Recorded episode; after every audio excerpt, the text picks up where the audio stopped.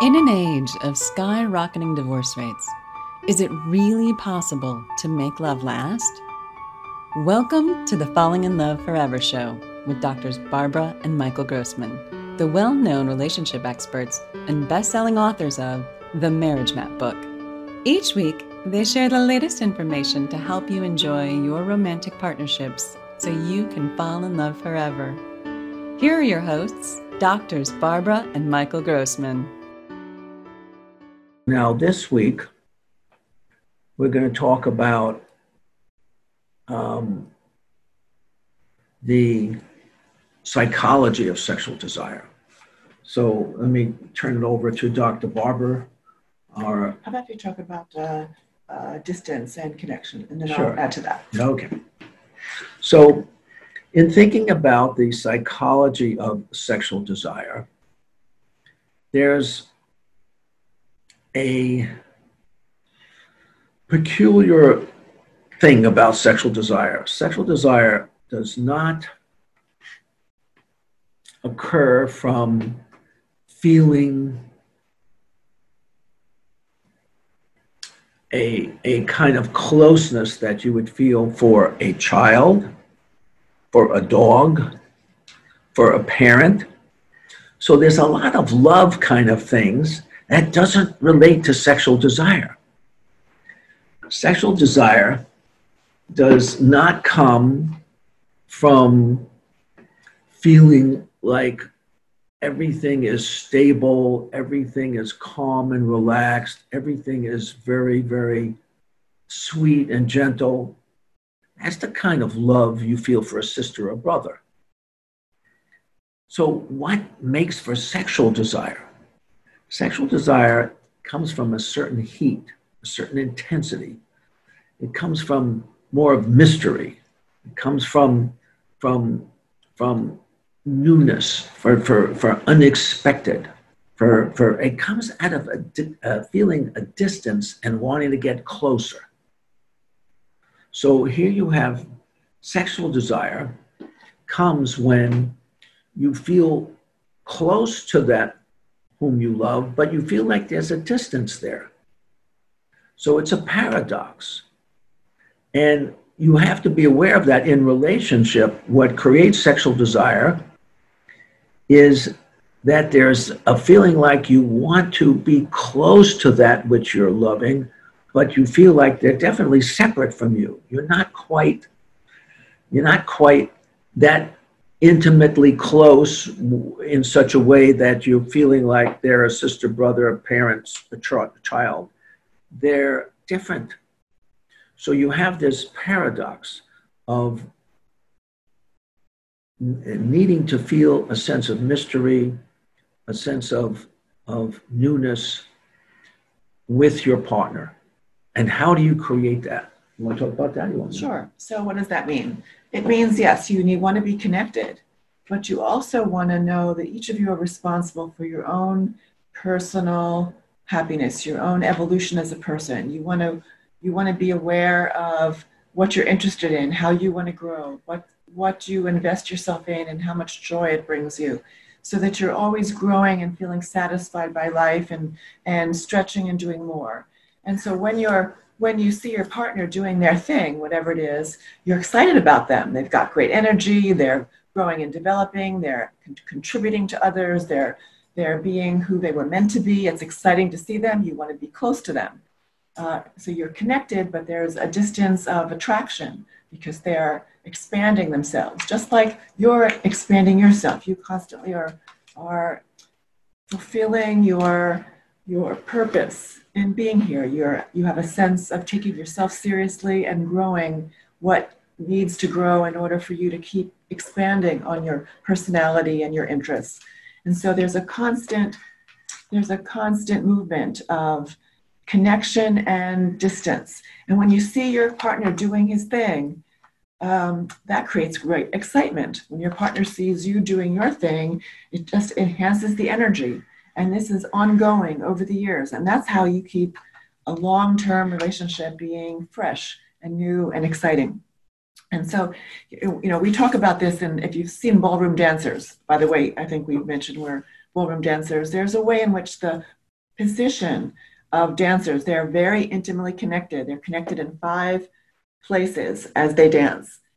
And at the same time, they're stretched in a, in a distance where you can see each other so that the dance position itself holds a kind of formula for how partners can look beautiful together and grow and, and move in harmony together. There's, um, there's just um, wisdom in the very structure of dance. And we want you to understand that. And it's also important to know that um, really your own happiness with each other involves each of you taking responsibility for your your development and your joy in life. That really you each just top it off.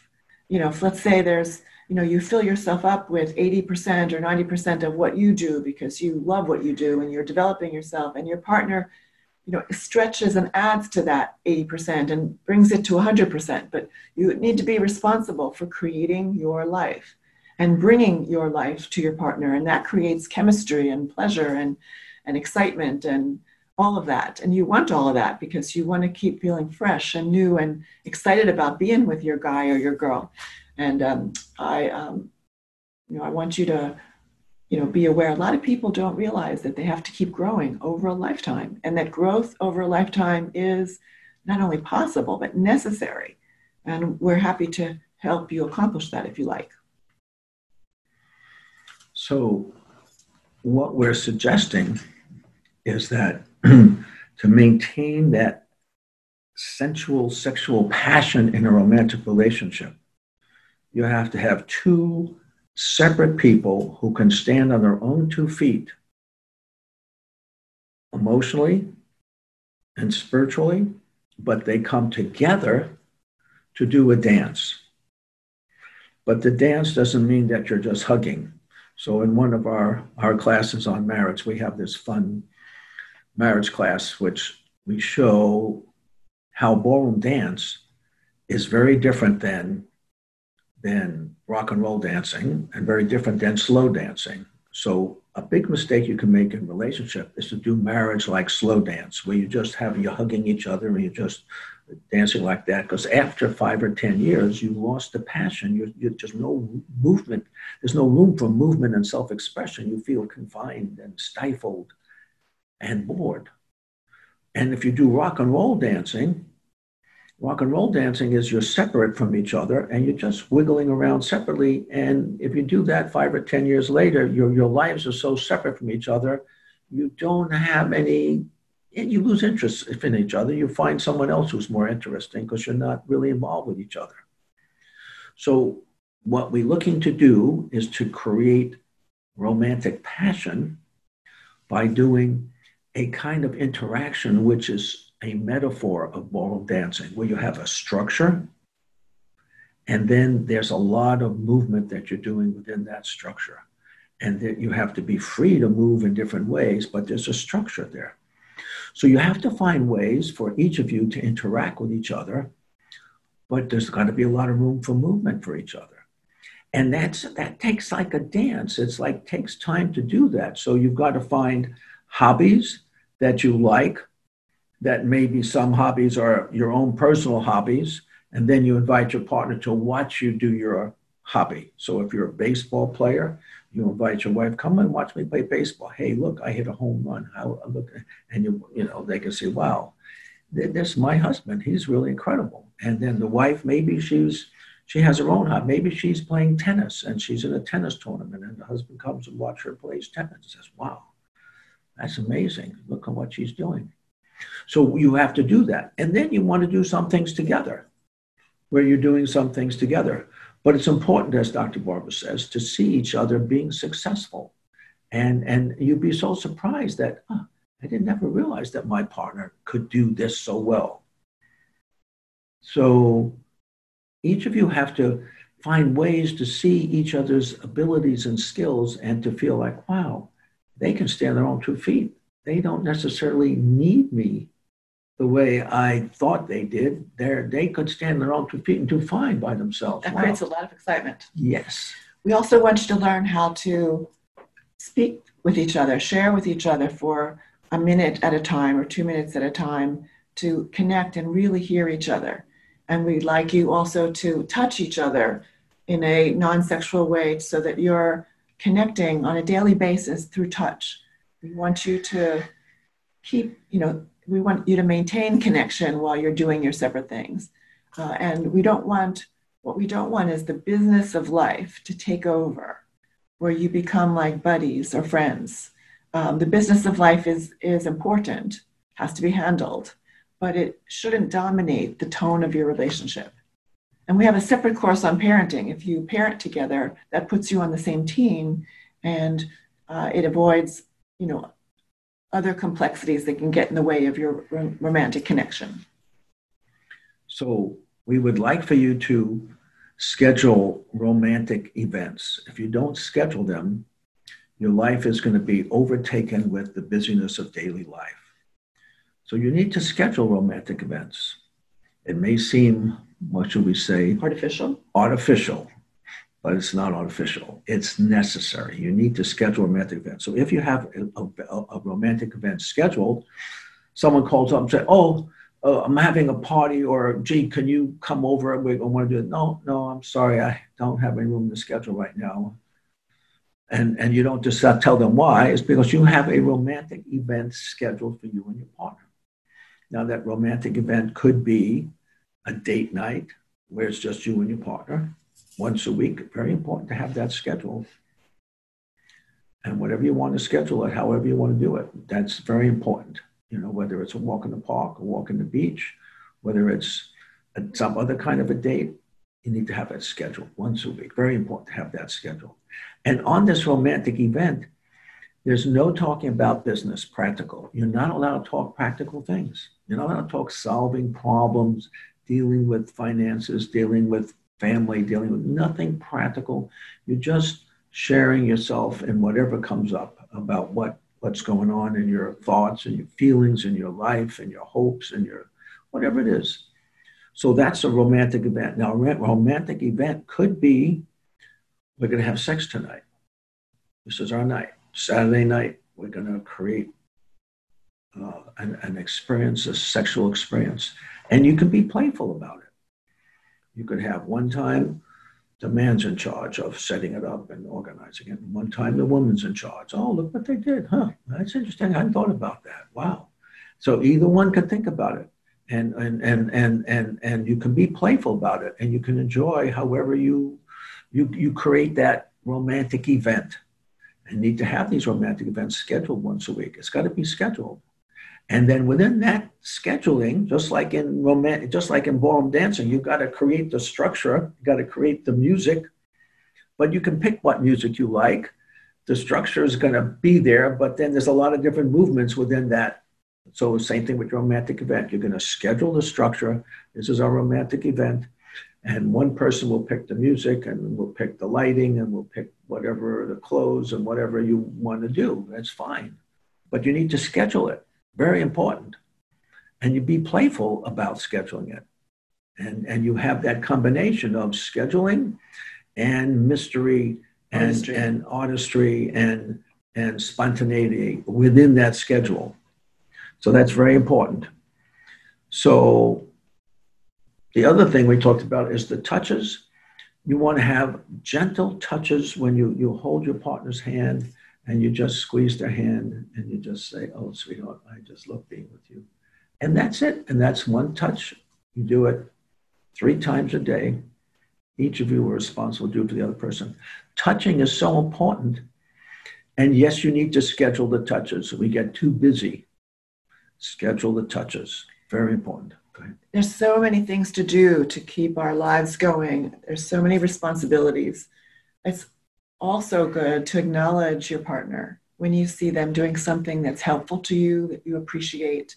You don't want to ever take anything for granted. You want to um, be generous with your appreciation and your smiles and uh, affection. It's a very bonding uh, pleasure to be appreciated for what you do. You want to receive that and you want to give that. And so we talked about one minute conversations three times a day where you're just talking with your partner for one minute. but you're not allowed to do anything practical. No solving problems, no dealing with with um, with uh, with issues. Just sharing something about how you're feeling. You know, your hopes and desires. Something that you read that was uplifting or sad or whatever or something interesting that you read about just just just one minute three times a day you schedule it. You schedule it. It's a good thing to schedule it. It's a funny thing but that's what creates sexual desire. You have a schedule and then you're creative and you're spontaneous spontaneous within that schedule. There's nothing when you hear some, your partner share their thought or feeling in that minute. There's nothing to do about it except to thank them for sharing and be with what they're sharing, not resist it or it, it isn't a time for criticism or or complexity. It's just it's you know your partner shared something with you. Thank you. I, I like I like hearing about your day. I I want to hear more. And it, it should be a, a nice connection. Nothing complicated. Excellent. All right. Well, good. Anything else you want to add? Uh, well, next next week we'll get more complicated, or next time we'll get more complicated about the quality of your conversations, what men need to hear and what women need to hear, because I think there's a lot of confusion about that. So we can make your longer conversations more um, deeper and and uh, more satisfying. But uh, we'll leave that for next time. So I'll, I'll, just remind you all that that Barbara and I run classes on marriage. We do four two-hour classes, which go into the, the depth of learning skills that we're talking about and really owning these skills. And we've written a book on called The Marriage Map, The Road to Transforming Your Marriage from Ordeal to Adventure. We share a lot of stories that we have about how things went for, for she and I. And, and we can add that what happens over time in, in, in any marriage, you meet each other, you're 20, maybe 30, and you get together and you fall in love with them, and then it's a passionate affair for two years. And then it'll change a bit. And then after 10 years of being together, it, it it gets kind of you know a little old you know you kind of know everything about the other person and it sort of was like okay this is the way it is i guess uh, and and you lose that vibrancy. You and your partner grow a lot over those 10 years and whatever you think your partner is now is not who she is and he is not who you think he is. So both of you change a lot in 10 years and in order to know who they are, it really takes doing these things we're talking about. And I can tell you for sure, Dr. Barbara and I have been married for 48 years. We're so different than who we were. And we keep changing. And it's a constant movement to keep up with, wow, that's really different. And and and that's not who you used to be. And huh, geez. And and you have to keep up with that and and and how you how you're behaving and what turns you on and what makes you feel more happy and more thrilled and what makes you more upset it changes. You got to keep on going with this. And then you can realize whoa this is an interesting person here that i'm married to. I have to hmm, think about how they have changed so much. You both change a lot and you have to constantly move with those changes. And and once you are open to seeing who they have become you realize that you're in love with a different person almost. And that keeps the romance alive because you never feel like you totally know who they are. Anything? Right. There's more to the developmental path for couples um, that uh, we can talk about it another time. But um, uh, that there is that dynamic that, that has the potential for keeping your love alive and new and fresh. And uh, a lot of times when you when you're on your when you when you shift in your direction, it may be that you find yourself criticizing your partner because they're not living up to your new expectations of them. And so couples get into um, bad dynamics when there's a lot of criticism and judgment. And it's important to have the skills to share how we how we feel, what we want, how how we look at life differently without the criticism, with just clarity about what makes you happy.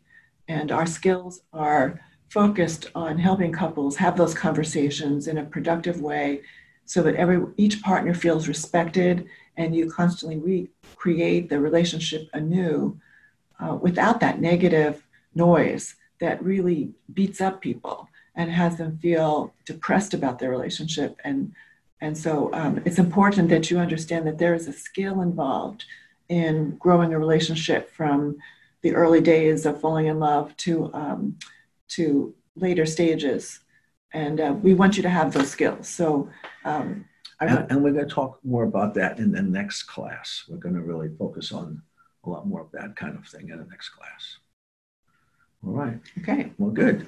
So let's open things up now to questions. Let's see what kind of questions we have here. So, so let's see uh, if we have some questions from the listeners. So go ahead and unmute yourselves and let's see what kind of thoughts and questions and comments come up. All right. mm-hmm. All right, Michelle, go ahead. Oh, didn't have any questions so far, but I appreciated what you had to say today. It helped a lot to uh, kind of think of it in that perspective. And um, I, I, think I unmuted myself and it took it as a question here. So, uh, but okay, well, that yeah, it makes sense. I, I, especially appreciate what you had to say about the um, growing and changing. My husband and I, we, we dated for about 13 years and we've been married for an, another 15 and so, so we're close to, well, this will actually be our 30 years together this year. So uh-huh.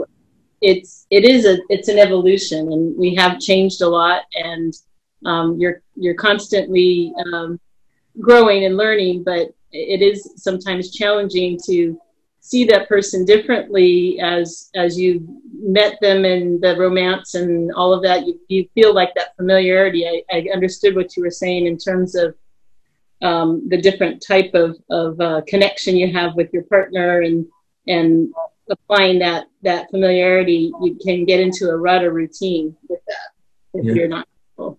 yes and that's why we give you specific things to do to press you. So, like when you make a romantic date, it puts pressure on you. Say, oh, I, I, hate to just make a date. I want to be spontaneous. But no, it's good to put pressure on yourself. And then you have to call forth from yourself things that would make you feel more romantic. And you have to make requests for whatever that is. And, and it may not be quite so comfortable because you would never do something like that with, with a brother or sister but here you're making a, some request that comes from inside yourself and it puts pressure on you and it's a good thing to put that kind of pressure and and so we we really do encourage you to follow that routine of of um, of creating um, creating date nights and creating intimacy nights and just having that having that pressure. It's a, it's a good thing and then you be creative within that. It's very very nice. And the more the longer you're married the more important it is to do that. I agree, and I, I think it also um, forces you to put each other first. At times, it's it's easy when you have been together a, a, a while to let the distractions of your family, your children, your work, uh, yes. priority over. That is correct. And when you were dating, that wasn't the case, you know. That is correct. So you know the that that is right, and and you know the other thing that can be what we do is to go away for longer periods of time together, you know, to make to, to make romantic settings for yourself, and you got to be creative about it. And so it's a fun it's a fun thing, but like you say, you do have to um, you have to put it on your priority list, and you have to make it more important. Very very important to do that. Well, thank you, Michelle. Anyone else want to uh, share, ask a question, make a comment? So I want to make sure you all write down the homework assignments, okay? You, need to have the homework assignment uh, written down somewhere, right? The, uh, the touches, three touches a day, and the uh, the date night once a week, and an intimacy night once a week. And uh, in that sharing time, there's no practical conversation. All right. So who else wants to share? Anyone want to share? Want to want to make a comment? Ask a question?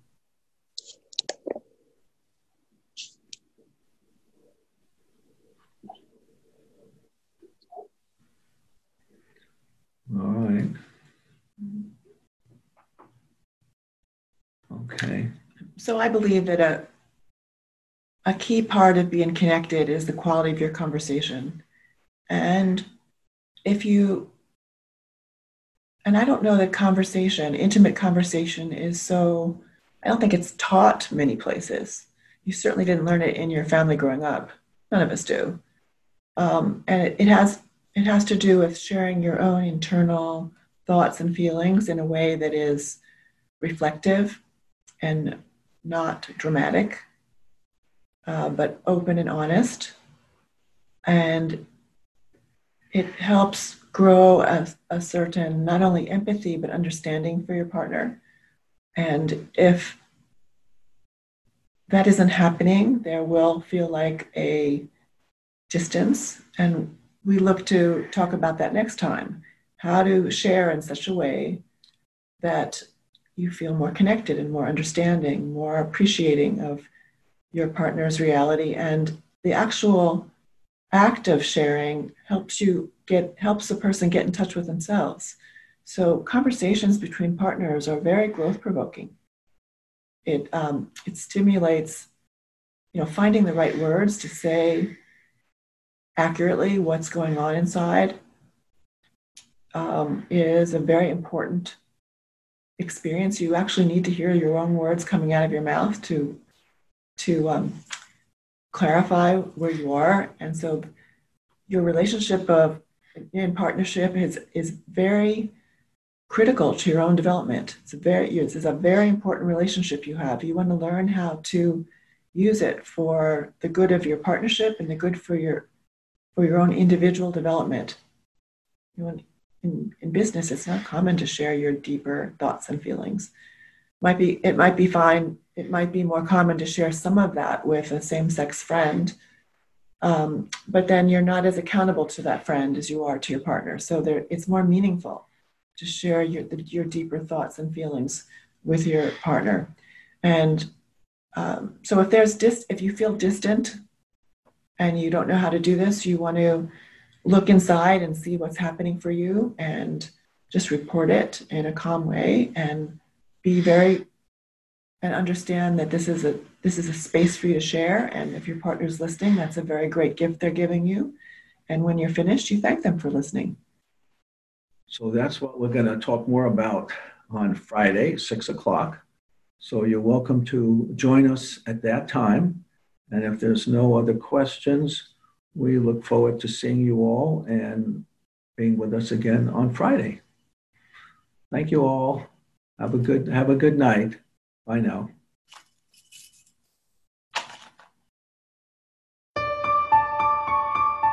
Thank you for watching the Falling in Love Forever show with doctors Barbara and Michael Grossman. Join us next week for another informative discussion to help you keep your love alive. Be sure to visit us at themarriagemap.com or find out about our relationship classes at fallinginloveforever.com.